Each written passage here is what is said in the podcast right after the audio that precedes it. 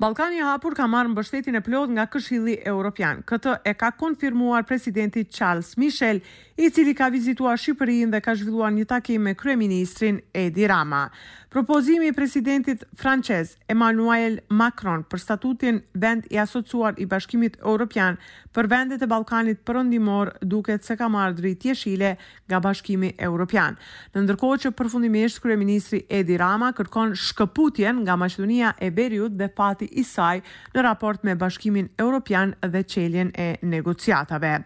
Edhe në Maqedoninë e Veriut përpjekjet janë titanike për të shkuar drejt rrugës së Integritetit, ministri i Punëve të Jashtme Bujar Osmani ka zhvilluar një takim në Torino me ministrat në Komitetin e njëqind e tridhjetë e dy të Ministrave të Këshillit të Evropës, ku u bë edhe pranim dorëzimi i presidencës së Komitetit nga Italia në Irlandë për periudhën vijuese gjashtëmujore.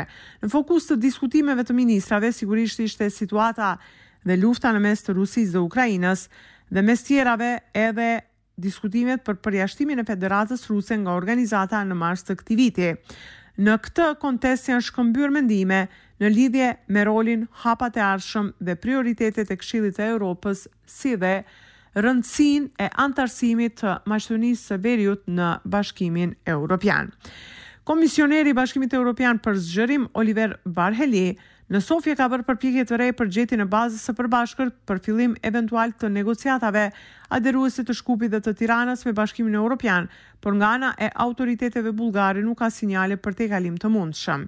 Ministrat e Mbrojtjes Dragomir Zakov dhe Slavjanka Petrovska kanë folur për përfitimet nga partneriteti mes Maqedonisë së Veriut dhe Bullgarisë në NATO për stabilitetin e rajonit, Pa përmendur se pas luftës në Ukrainë edhe partneriteti me Bashkimin Europian shihet si interes i sigurisë.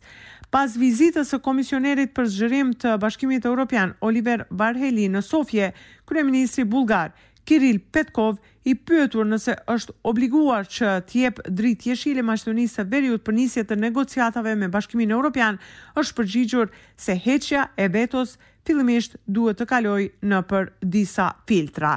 Për më tepër do të ndjekim deklaratën e Kiril Petkov, kryeministër i Bullgarisë dhe Dragomir Zakov, ministër i Mbrojtjes së Bullgarisë. Mnogo je jasno treba da se kaže qe as kato premijer ne poemam nikakvi angazhimenti. Unë si kryeministër nuk marr asnjë vendim vetëm në qoftë se diçka ndodh në lidhje me këtë temë, Së pari duhet të ndodhë në Ministrinë e Punëve të Jashtme, më pas në nivel të qeverisë, të kalojë në kabinetin e koalicionit, të hyjë në parlament dhe atje të zgjidhet, pastaj të merret vendim.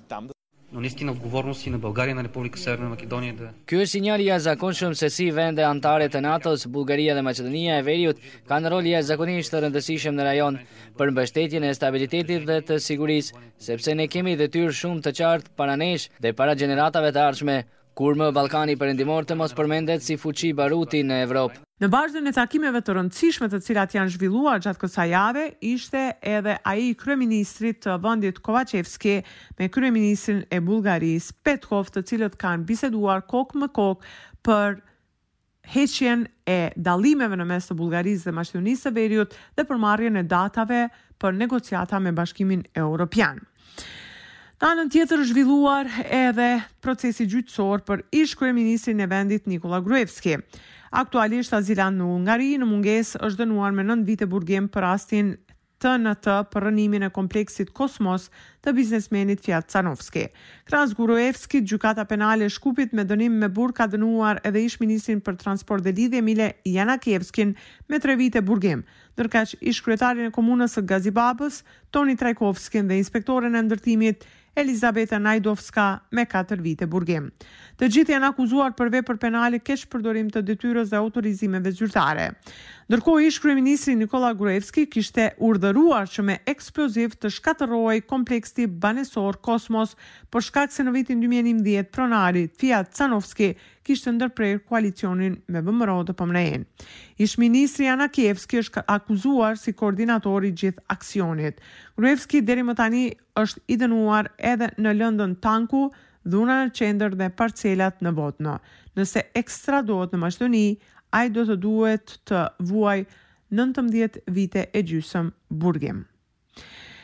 Në anën tjetër, pavarësisht që Qeveria lavdërohet për të arriturat e saj, sipas VMRO DPMNE-së kërkohet që sa më shpejt të mbahen zgjedhje të parakohshme parlamentare. Kristian Mickoski nga VMRO DPMNE ka thënë se derisa pushteti lavdërohet për arritjen e qeverisë, Ne akuzojmë për korrupsion dhe insistojmë në zgjedhje të parakohshme parlamentare në vjeshtë. Kreu i VMRO-DPMNE-së vlerëson se zgjedhjet e parakohshme parlamentare janë të nevojshme pavarësisht faktit nëse vendi merr ose jo datë për fillimin e negociatave me Bashkimin Europian. Ndërkohë që problemet e shumta në kuadër të arsimit këtë javë duket se janë zgjidhur. Ministrja e Punës dhe Politikës Sociale, Jovanka Trençevska dhe kreu i Sindikatës së Arsimit dhe Shkencës së Kulturës, Jakim Nedelkov, kanë njoftuar se të punësuarit do të marrin paga të plota për periudhën e grevës.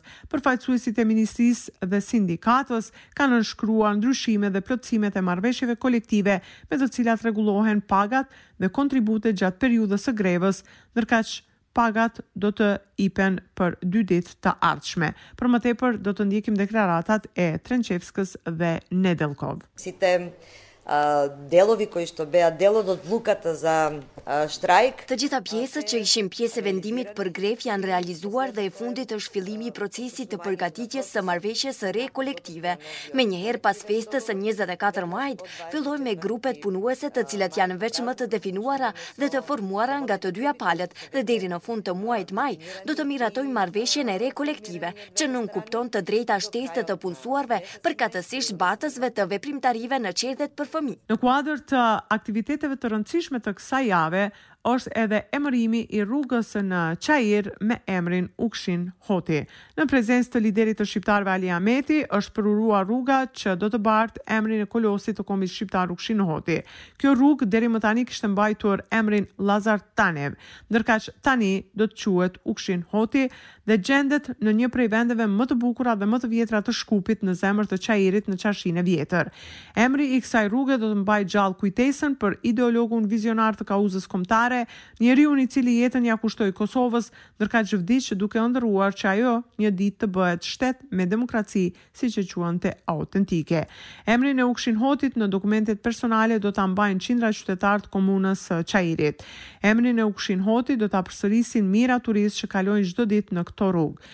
Me prezencë ka nderuar aktivitetin edhe motra e Ukshin Hotit, Myrvete Hoti, e cila ishte e entuziazmuar për këtë akt. Ukshin Hoti është vetëm një nga gjashtëdhjetë e gjashtë emrat e rinj me të cilët janë riemëruar së fundi rrugët e Komunës së Çairit, në mesin e të cilëve janë shumë e shumë figura të shquara që do të jenë gjurmë e përhershme e përkujtimit për të gjithë gjeneratat e reja. Pas përurimit të rrugës në bashkëpunim me Komunën e Çairit dhe Agjencionin Shtetëror të Arkivave të Kosovës dhe me ftesë të Institutit për Trashëgiminë Shpirtërore Kulturore të Shqiptarëve në Shkup, Është bërë edhe hapja e ekspozitës Bëje ose vdis, kushtuar jetës dhe veprës së Ukshin Hotit. Me këtë rast janë falënderuar të gjithë qytetarët të cilat Me këtë rast janë falënderuar të gjithë qytetarët të cilët ishin pjesë e këtij aktiviteti si dhe Komuna e Çairit është betuar se këtë mision historik do ta ketë edhe në të ardhmen. Për Radion SBS raporton nga Republika e Maqedonisë së Veriut, Besiana Mehmedi.